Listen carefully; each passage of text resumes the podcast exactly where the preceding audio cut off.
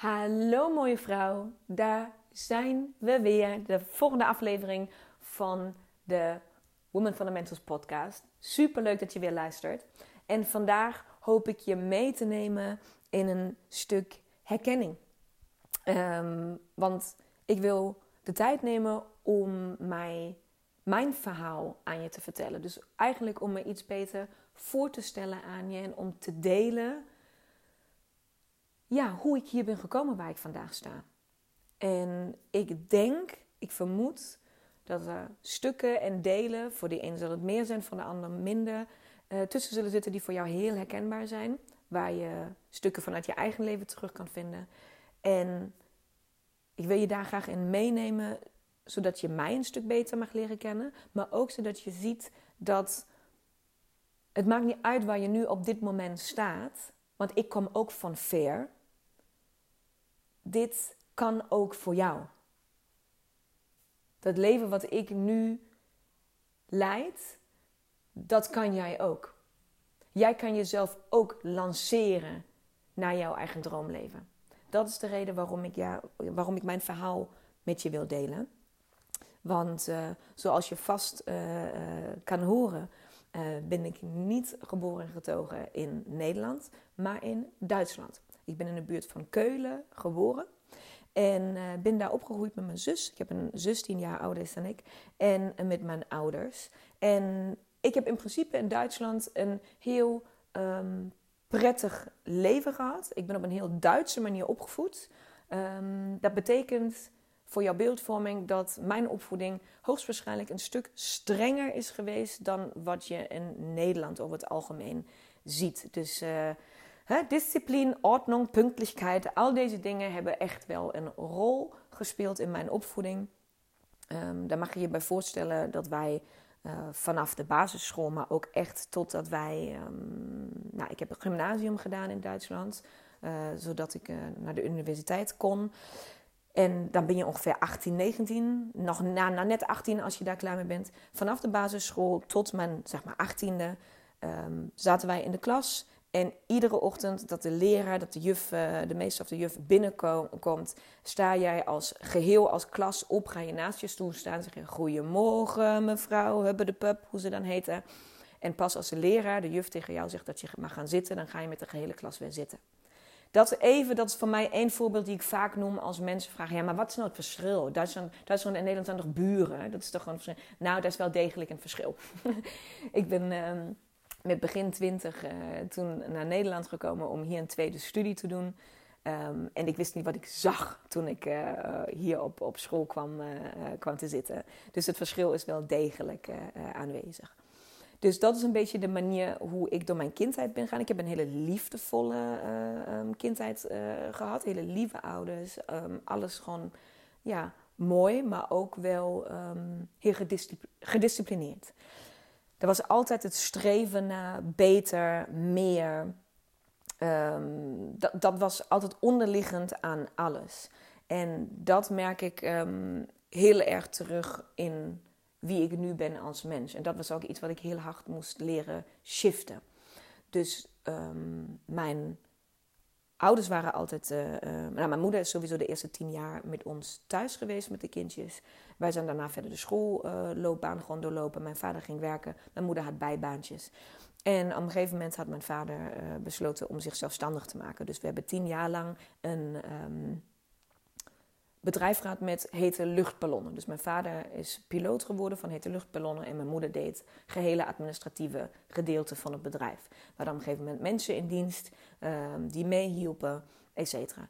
Nou, in um, 2008 denk ik, uh, 2007, 2008, ergens in die regio, is dat bedrijf door de crisis toen de tijd uh, failliet gegaan. Wij hebben toen ons ouderlijk huis verloren, uh, waar wij in op zijn gegroeid. En moesten met een gezin van vier in een um, tweekamer appartement gaan verhuizen. Auto's, werden verkocht. Uh, ik moest met mijn zus opeens op één kamer.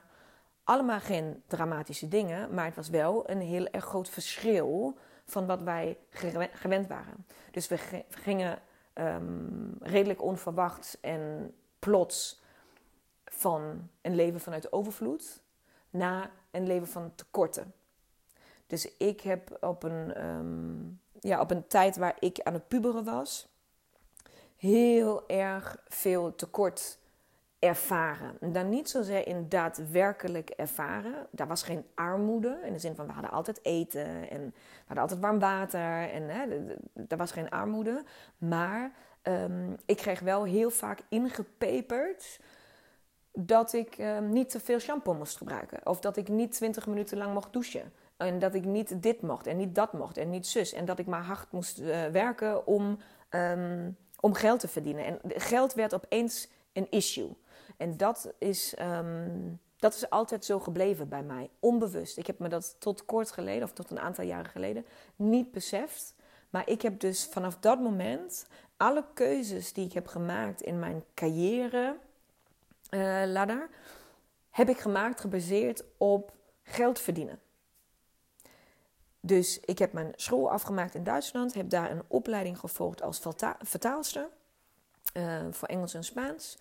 En wist toen al dat ik, um, dat ik, dat ik het super saai vond. Want ja, als vertaalster, vertaalster is, klinkt heel tof. Want ja, je mag overal mee naartoe en je, je kan. Uh, ja, je, je ontmoet, als je dat interessant vindt, interessante mensen. Um, maar waar ik al heel snel achter kwam, al tijdens de opleiding, was dat je als vertaalster nooit je eigen, mening mag uiten. Je mag gewoon alleen maar letterlijk gaan vertalen wat iemand anders net zei. En je mag niet daarbij zeggen: ja, maar ik vind het eigenlijk echt een stom idee, dus ik zou het niet doen. Nou, dat mag je natuurlijk niet zeggen. Dus, nou, jullie kennen mij ondertussen al een beetje. Dat was dus zeker niet de geschikte opleiding voor mij. Maar ik had ook geleerd: wat je begint, dat maak je af. Jij gaat niet zomaar ergens mee stoppen. Je bent eraan begonnen, je hebt een keuze gemaakt, dus je maakt het af ook dat is een patroon wat zich, wat zich heel lang door mijn leven heeft geslopen, waar ik heel veel pijn en verdriet van heb gekend, maar wat ik gelukkig ook kon shiften. Dus alleen maar fantastisch. Um, dus ik heb die opleiding, ik wist het al na maand twee of zo, dat ik de opleiding verschrikkelijk vond. Maar ik heb hem toch twee jaar lang afgemaakt. Heb uiteindelijk enkele klussen gedaan uh, als vertaalster. Had dan zoiets, want dat, betaalt goed. Hè? Als vertaalster kan je veel geld verdienen als je goed in je vak bent. Um, en ben toch gestopt omdat ik um, nou, via een toeval in aanraking kwam met uh, een school hier in Nederland. Ik heb op de NRTW uh, eh, gezeten in Breda en heb daar hotelmanagement gestudeerd. Nou, via een paar omwegen ben ik uiteindelijk in, met begin twintig in Breda geland om um, hier hotelmanagement te studeren. Ik had nog nooit gehoord van Breda. Ik had, behalve dat we natuurlijk als Duitsers altijd aan de kust in de zomer kuilen gingen, graven aan de, aan de kust, had ik verder nog niet uh, iets met Nederland. Ik sprak geen woord Nederlands, dat al sowieso niet. Um, maar ik had me dus op een, op een, uh, ja, op een fair, hoe noem je dat? Ja, op een, op een beurs uh, waar wij vanuit de, uh, vanuit de opleiding, vanuit de, de, de vertaalopleiding naartoe moesten, had ik me spontaan ingeschreven voor deze school. Omdat ik altijd al hotelmanagement wilde studeren, maar dat was in Duitsland te duur en dat konden we niet betalen. Dus dacht ik van, oeh, ik zie mijn kans schoon, dat ga ik doen. En opeens kreeg ik dus die brief binnen van, ja, je bent aangenomen. Van, hè, aangenomen tot wat? Mijn moeder zei van, ja, je is een brief vanuit de Nederlanden. Uh, en wat is dit, zeg maar. Ik zei, oh... Oh, oh! En toen moest ik eerst maar googlen waar Breda überhaupt ligt. Nou, zo ben ik dus in Breda verzeild geraakt. Ik kwam mijn studie wel inkorten, omdat ik al studiepunten mee kon nemen vanuit Duitsland. En heb hier dan um, anderhalf jaar hotelmanagement gestudeerd. Ook daar wist ik al redelijk snel dat dat ook niet echt iets voor mij was. Um, omdat ik een hele roze bril had van gastvrijheid en mensen echt een fantastische ja, een fantastisch weekend of week bezorgen. En dat ze echt iets, iets memorabels mee gaan maken. Na nou ja, uren en betaling van iemand die uh, in de horeca al dan niet in het hotel werkt. Uh, dus die roze bril was wel heel gauw um, ja, niet meer zo roze. Dus ik heb, heb die studie afgemaakt, uiteraard. Want ik stop niet met dingen, ik maak dingen af. Um, of ik het nou leuk vind of niet. En heb daarna een aantal jaar in de hotellerie gewerkt. In de salesafdeling, heb altijd in de sales gezeten. En um, ja, was eigenlijk um, best ongelukkig daarmee. Ik heb toen een jaartje ook in Antwerpen gewoond. Heb in, uh, van het ene vijfsterrenhotel naar het andere vijfsterrenhotel toen de tijd gewisseld kon niet goed de aarde, was ongelukkig, vond mijn vak niet leuk. Het was gewoon allemaal net niet, maar ja, het was een begin van mijn carrière en ik moest doorzetten, want ik moest en zou veel geld verdienen. Want dat is wat ik altijd ingepeperd heb gekregen. Je moet gewoon veel geld verdienen, want anders heb je geen leuk leven. Dat is wat ik uh, deed. Dus dat was wat ik ook uh, zou doen. Dus vanuit Antwerpen uiteindelijk weer terug um, naar Breda verhuisd. En ben toen op een verjaardag uh, iemand tegengekomen die in een trainingsbureau werkte als trainer en account manager.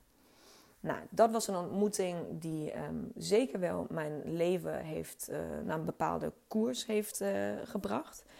Want ik ben dus uiteindelijk um, bij dat bureau ook gaan werken. En ben daar zes jaar lang eerst volledig opgeleid als um, trainer en account manager. Dus ik heb geleerd voor groepen te spreken. Ik heb jarenlang sales training gegeven, communicatietraining gegeven voor honderden verschillende bedrijven. Um, ik ben daar toen uh, teamleider geworden. Ik ben in het managementteam gekomen. Ik ben in het directieteam gekomen. En zo ging het maar door. Dus ik ben, kon heel mooi doorwerken uh, en klimmen op die carrière-ladder. Waar ik toen heel blij mee was en ook heel trots op was. Want ja, des te meer ik verkocht, des te meer kon ik verdienen. En verkopen kon ik. Commercieel, dat had ik begrepen hoe dat in elkaar zat. Uh, dus ik had een fijn leventje, maar ook een leventje waar ik ongelooflijk veel uren moest werken. Ik kon makkelijk om zes uur ochtends in de auto gaan zitten om naar een training te rijden ergens boven Amsterdam. Daar om negen uur paraat staan voor de groep tot vijf, half zes training geven en dan weer uh, in de file natuurlijk uh, terug om dan ooit een keer om half acht, acht weer thuis te zijn. En dan nog offertes schrijven of klanten nabellen of hoe dan ook. En dat ging iedere dag zo door, jarenlang. Dus ehm, ik had een vrij druk bestaan, um, zakelijk gezien. En dat had natuurlijk ook zijn effect op, um, op mijn privéleven. Ik was heel vaak moe. Ik was uitgeput. Ik had geen zin meer naar de verjaardagen te gaan. En ik had geen zin meer om weer te kletsen. Of ik als vriendinnen vragen, hey, kom je vanavond mee uit eten? dacht van, oh shit, als ik nu vanavond mee ga, uit ga eten... dan ben ik gewoon nooit voor 11 of 12 uur thuis. Ga ik dood de volgende dag. Ik haal ik nooit, ben doodmoe. Dus ik begon... Eigenlijk begon het toen al vrij vroeg um, dat ik doorhad van ja, ik trek dit eigenlijk niet. Het is me te, ja, het is me te zwaar. Dat zou, ik, dat zou ik toen de tijd nooit hebben toegegeven. Maar het was me eigenlijk allemaal te zwaar. Het was te intens, te veel. Uh, ik, I needed a break. Maar ik had gewoon een break nodig. Maar ik had geleerd, je gaat door, je geeft niet op, je gaat je doel bereiken. Etcetera, etcetera. En toen ik het plafond bij dat bedrijf had uh, bereikt, dus verder dan directie kon ik niet groeien, um, zijn onze wegen uh, uit elkaar gegaan. En ben ik naar het volgende bedrijf, wat groter was, internationaler was. Uh, grotere klanten. Die, daar, daar, daar kon ik echt met de grote jongens aan tafel zitten. Um, en kreeg ik nog veel beter betaald. Dus dat was een hele logische stap dat ik dat zou gaan doen. Terwijl ik ondertussen eigenlijk alleen nog maar oververmoeid op de bank lag zodra ik thuis kwam. Ik was totaal overprikkeld. Ik had uh, geen energie meer over. Ik, uh, dat waren de momenten dat ik, um, dat ik begon niet meer in slaap te kunnen komen. Slapen was voor mij altijd um, een, een ontspanningsmoment. Al als kind. Dus um, wanneer ik bijvoorbeeld heel hard ruzie had gemaakt met mijn zus. Echt, ja, toen was ik, weet ik wat, 8, 9, 10 jaar oud. En we hadden heel harde ruzie gemaakt. Uh, ergens over. Waarschijnlijk een Barbiepop of zo. Um, dan ging ik daarna naar mijn kamer en dan ging ik slapen, midden op de dag. Omdat ik, dat was een soort van ontlading voor mij. Dus eh, slaap en ik waren eigenlijk hele goede vrienden. Tot die periode begon het dat ik s'avonds niet meer in slaap kan komen. Omdat ik alleen maar aan het piekeren was. Piekeren, piekeren, piekeren. Malen, malen, malen, malen. Ik zag overal doenscenario's en ging bedenken dan s'nachts hoe ik dat hoe ik omheen zou kunnen zeilen. En hoe ik dat allemaal voor elkaar zou kunnen krijgen. Scenario's die niet eens aan de hand waren. Maar die gewoon in mij opkwamen dat dat tot de mogelijkheden zou kunnen behoren. Dat ik, dat ik voorbereid moest zijn op alles. En dat, dat slapen ging van niet in slaap kunnen komen naar um, regelmatig s'nachts wakker worden. Dus dan kon ik wel inslapen. Maar dan werd ik wakker en kon dan niet meer in slaap komen. Dus ik heb gewoon jarenlang uren en uren wakker gelegen, uh, s'nachts. Wat natuurlijk zeker niet bij, had, bijdroeg rond die tijd om, om, um, nou ja, om fit en energiek te zijn. Um, ik kreeg steeds meer lichamelijke klachten. Ik had continu blaasontstekingen, oorontstekingen. Ik had een keer hele heftige spit. Um, toen was ik nog geen dertig, hè. Hele heftige spit. Uh, en zelfs, ik kon niet eens meer rechtop lopen. Heb, ik besloten om toch nog op een um, reis met collega's te gaan. Uh, zakelijk uh, naar Frankrijk. Ik ben gewoon achter, achter in de auto gaan liggen bij een collega op de achterbank. En heb gewoon al die uren gelegen, omdat ik niet kon zitten. Dus zo zat dat in mijn hoofd. Zo ging ik hoe dan ook komen waar ik moest komen van mezelf. Waar dat dan ooit op zou houden, nou, dat had ik toen nog niet in, in, in de smiezen, zeg maar. Dat daar dus ook geen plafond was voor mij. Altijd als ik weer iets had bereikt, had ik weer iets nieuws gezien. Of had ik weer iets anders uh, in de gaten wat, wat ging gebeuren. Uh, volledig ten koste van zowel dus mijn, mijn mentale uh, ja, gezondheid, maar ook mijn fysieke ontwikkeling. Mijn lichaam gaf mij continu signalen. En de signalen werden steeds heftiger. Um, dat het gewoon gedaan moest zijn.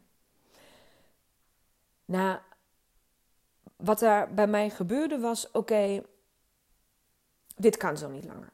Dit is niet oké. Ik ben niet gezond, dus ik heb uh, hulp nodig. En hulp nodig hebben was een dingetje voor mij. Dan, om hulp vragen was ik heel slecht in. Gaat me nog steeds niet makkelijk af. Maar ben ik steeds, word ik steeds beter in. Ik ben aan het oefenen. Um, maar toen het tijd was om hulp vragen of toegeven dat je hulp nodig hebt ergens bij. Dat was een soort van vloek in de kerk. Dat kon gewoon niet.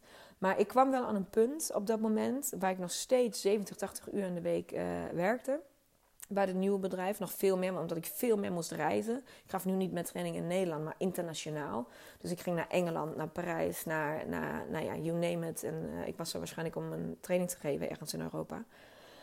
En um, ik moest altijd scherp zijn, altijd aanstaan. Dus net zo hard klapte ik ook in elkaar op het moment dat, dat ik in mijn hotelkamer zat of thuis of wat dan ook. Dus kan je je voorstellen dat ik ook thuis niet een hele leuke vriendin was. Want ja, met mij was gewoon uh, geen, geen land meer te bezeilen. Er was gewoon niks meer te doen.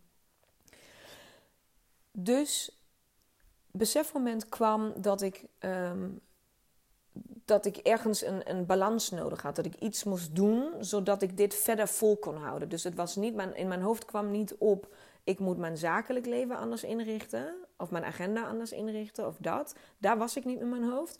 Ik was bij. Ik moet iets daarnaast zetten. Zodat ik dit vol blijf houden. En toen begon wat ik nu achteraf uh, noem mijn zoektocht. Mijn zoektocht die mij jaren, jaren, jaren uh, nou niet heeft gekost. Het heeft me niks gekost, want het heeft me ontzettend veel gegeven. Maar het heeft wel lang geduurd tot ik uh, zocht, of toen ik had gevonden uh, waar ik naar zocht. Want waar ik mee begon was de kleine dingen. Ik ging naar de yoga. eerst één of twee keer in de week. Op het eind ging ik vijf, zes keer in de week. Van de yoga naar de hot yoga naar de aerial yoga. Ik ging naar, ik heb een heel traject doorlopen bij een haptonoom die mij ging helpen om mijn, ja, mijn hart en mijn hoofd weer uh, met elkaar te verbinden. Want die verbinding was natuurlijk ook uh, verzoeken.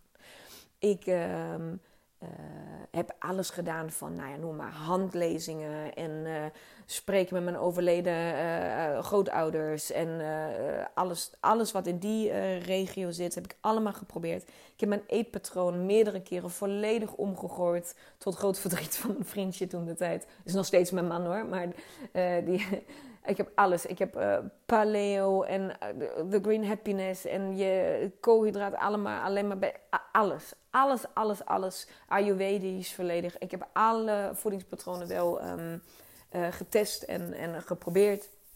En dat heb ik gedaan. Ik heb Vipassana gedaan. Vipassana is een, een, een meditatie, um, een vrij intensieve meditatie. Um, nou ja, op, opleiding opleiding, ja, een cursus, een opleiding, waarin je tien dagen lang uh, in volledige stilte uh, met andere mensen in een, in een, een, ja, een compound, in een, in een complex, in een huisje gaat zitten. Um, en waar je ongeveer acht of negen uur op een dag uh, mediteert. En in die tien dagen wordt niet één keer één enkel woord gesproken. Ehm, behalve de leraar, die neemt jou mee door de meditatie, zodat je iedere dag dieper in je meditatie komt. Let op, ik had die dag van tevoren, voordat ik daar kwam, nog nooit van mijn leven gemediteerd. Op zijn lena's, hè? Ik doe altijd alles. Voor, ik wil alles ervaren. Dus ik wil niet de uitleg krijgen, ik wil gewoon ervaren wat het inhoudt. Dus volle chas uh, erin. Nou, tijdens een van deze um, ik heb Vipassana uiteindelijk drie, dagen, drie, jaar, eh, drie keer gedaan. Dus drie jaar achter elkaar. Uh, ben ik iedere zomer heb ik een Vipassana, Vipassana retreat gedaan.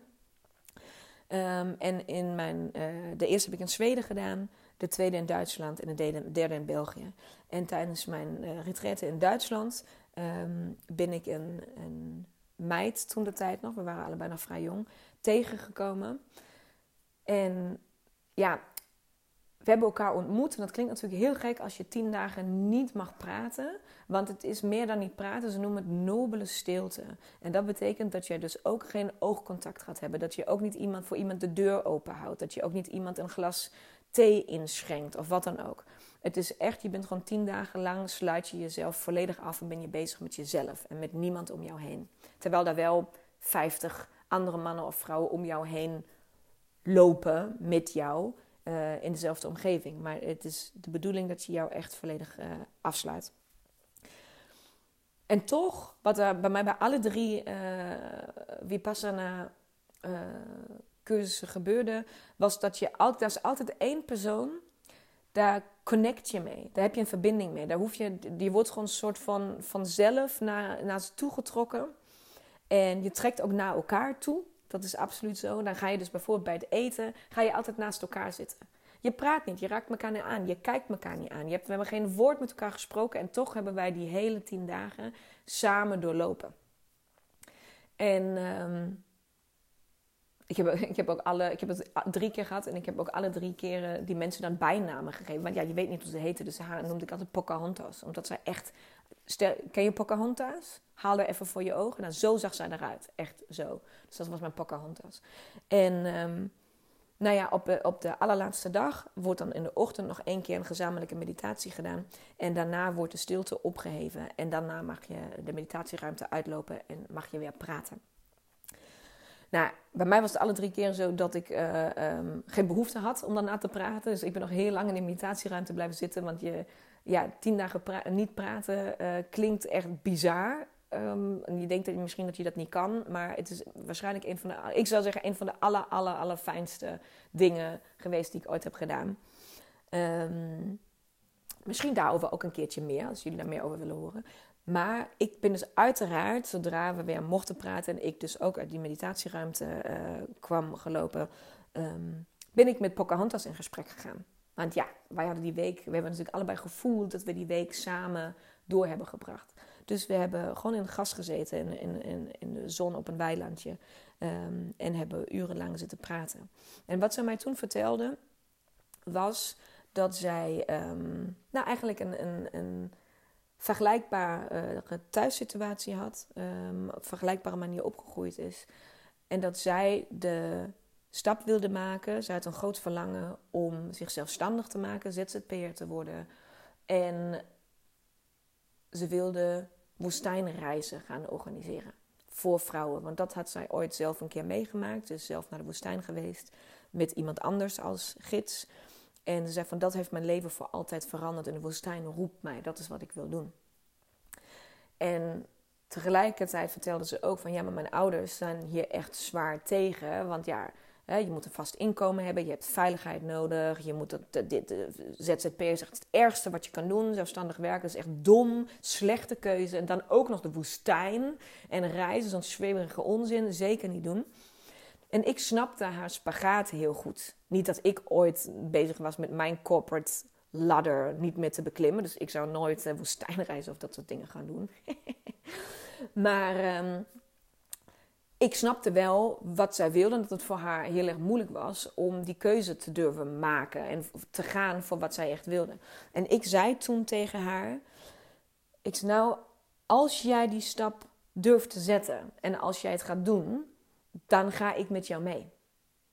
Ik ben jouw eerste betalende klant zodra jij die stap durft te zetten in je eigen woestijnreis. Want ik vind het fantastisch en ik wil je ondersteunen. En je moet die keuze zelf maken, maar weet, je eerste betalende klant heb je al binnen. Nou, zo is dat gesprek toen een tijd gegaan. En uh, jaren later, ik was nog steeds volop bezig op zoek naar balans, op zoek naar mijn energie, naar evenwicht, naar slapeloosheid, stoppen, naar...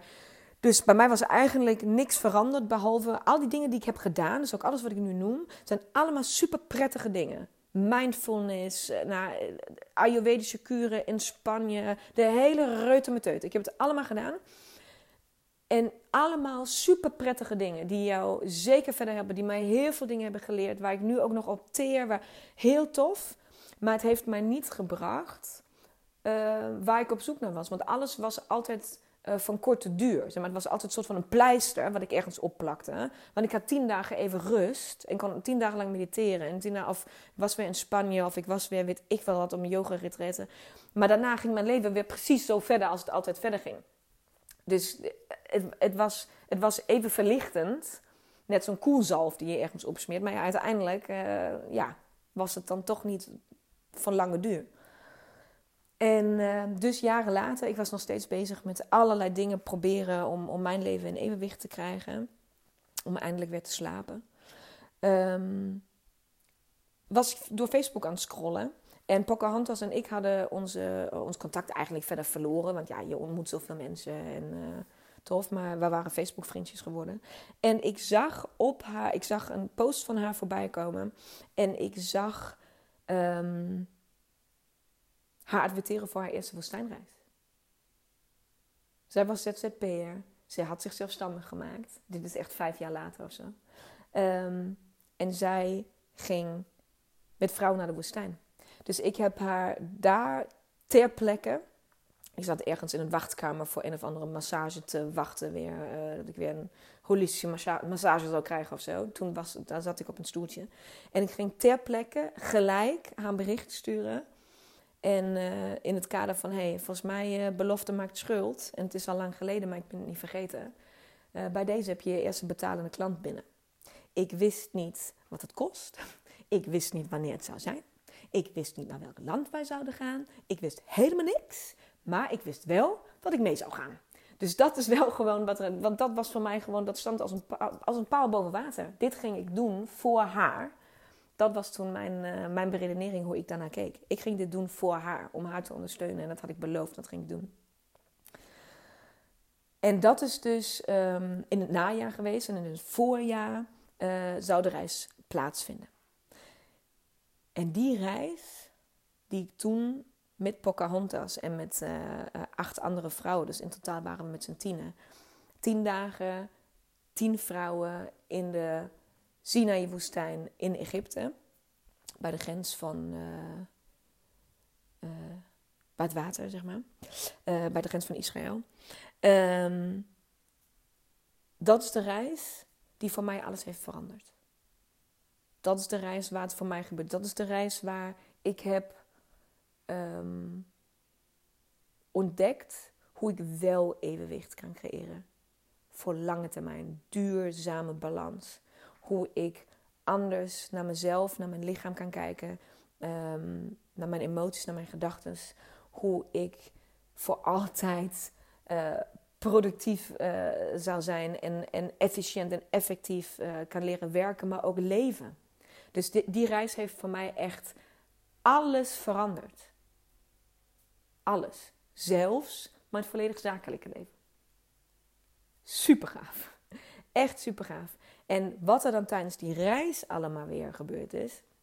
Nou, hoe dat is geweest, dat is weer heel veel stof voor een volgend verhaal.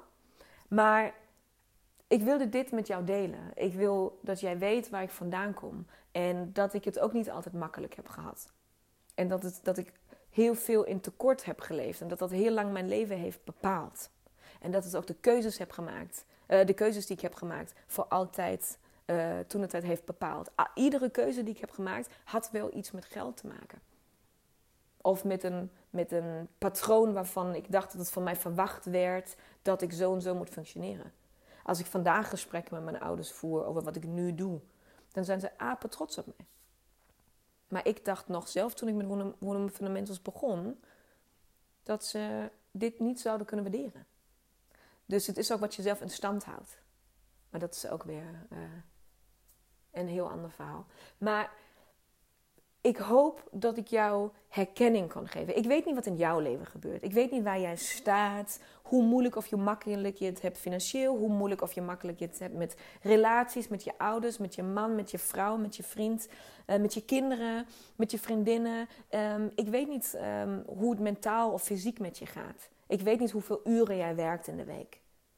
Maar misschien zat er in mijn verhaal één stuk of meerdere stukken waarin jij je herkent en wat jij ook zwaar vindt in jouw leven. En waar je heel graag het anders zou willen zien, maar denk ja, maar dat kan niet. Nou, zo zit het leven nou eens in elkaar.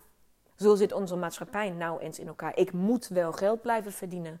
Ik moet dit allemaal doen. En daarnaast mag ik een beetje kijken of ik balans ergens kan vinden als ik s'avonds van 8 tot 9 nog even naar de yogales chase. Dat hoeft niet. Dat hoeft niet. Ik, wil mijn, ik heb mijn, mijn leven, mijn, zoek, mijn verhaal, mijn zoektocht, mijn leven met jou gedeeld hier. Om jou te laten zien dat ik stond waar jij nu misschien staat. Misschien sta je een stuk verder af, misschien sta je een stuk dichterbij. Doet er niet toe. Het kan. Je hoeft je daar niet zelfstandig voor te maken. Je hoeft je relatie niet op te geven. Je hoeft je kinderen niet weg te geven. Je, hoeft, dat hoeft, je leven kan blijven zoals het nu is. Maar met een balans en energieniveau.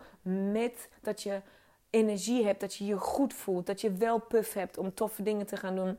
Dat je die uitputting, die ook wispelturigheid en emotie en gedrag. Och jongens, wat had ik een wispelturigheid ik kon wel s ochtends het huis uit gaan en in de auto denken... nou, ik denk dat ik maar uitmaak met mijn vriendje. Want uh, hij is denk ik niet wat ik zoek. Want hij past helemaal niet uh, in wat ik wil. En s'avonds kon ik weer denken... oh, als je me nu ten huwelijk vraagt... dan zeg ik gewoon ja hoor. Zelfde dag hè, dames. Zelfde dag. En die jongen heeft niks goed of verkeerd gedaan. Allemaal in mij al, die, die, al, al dat, dus dat was ook bij dat mentale stuk. Ik vertrouwde op een gegeven moment mijn eigen emoties en gedachten niet meer. Omdat alles zo wispelturig was. Alles veranderde zo snel. Nou ja, ik hoop dat ik je kon inspireren. Ik hoop dat ik je energie kon geven. Dat je, dat je vertrouwen krijgt. Dat dat allemaal ook voor jou weggelegd is. Want dat vind ik het allerbelangrijkste. En heb jij iemand in je omgeving die dit ook moet horen, die dit ook moet weten, die je ook een herkenning wil geven, die je mee wil nemen? Alsjeblieft, help mij om mijn bereik te vergroten. Tag mij in je stories, maak een screenshot, tag mensen om mij te volgen, uh, wat dan ook. Please, please, please, please. Uh, help mij om zoveel mogelijk uh, vrouwen te bereiken. En wederom, Um, elk bericht van je is welkom. Dus als ik jou heb kunnen, ja, if I touched you, als ik iets in jou heb kunnen bewegen, als je um, iets met mij wil delen, als je, als je iets wil vragen of vertellen of wat dan ook, um, voel je altijd welkom. Voel je altijd welkom. Ik krijg enorm veel. Uh, ik heb enorm veel waardering en, en liefde voor jullie berichten. En ik, echt, ik zie ze allemaal op Facebook. En ik doe echt nog iedere keer een klein dansje. Shaky, shaky, shaky. Een klein dansje. Um, als er weer een tag is of als iemand weer iets liefs heeft gestuurd of uh, iets uh, oprecht waar, uh, daar, daar doe je mij een heel goed plezier mee. Wederom, bedankt voor het luisteren. Jij kan dit ook. En ik ga je alles geven wat in mij zit, zodat jij mij, met mij mee kan. Oké? Super fijne dag en ik spreek jullie snel weer. Tot dan. Doei!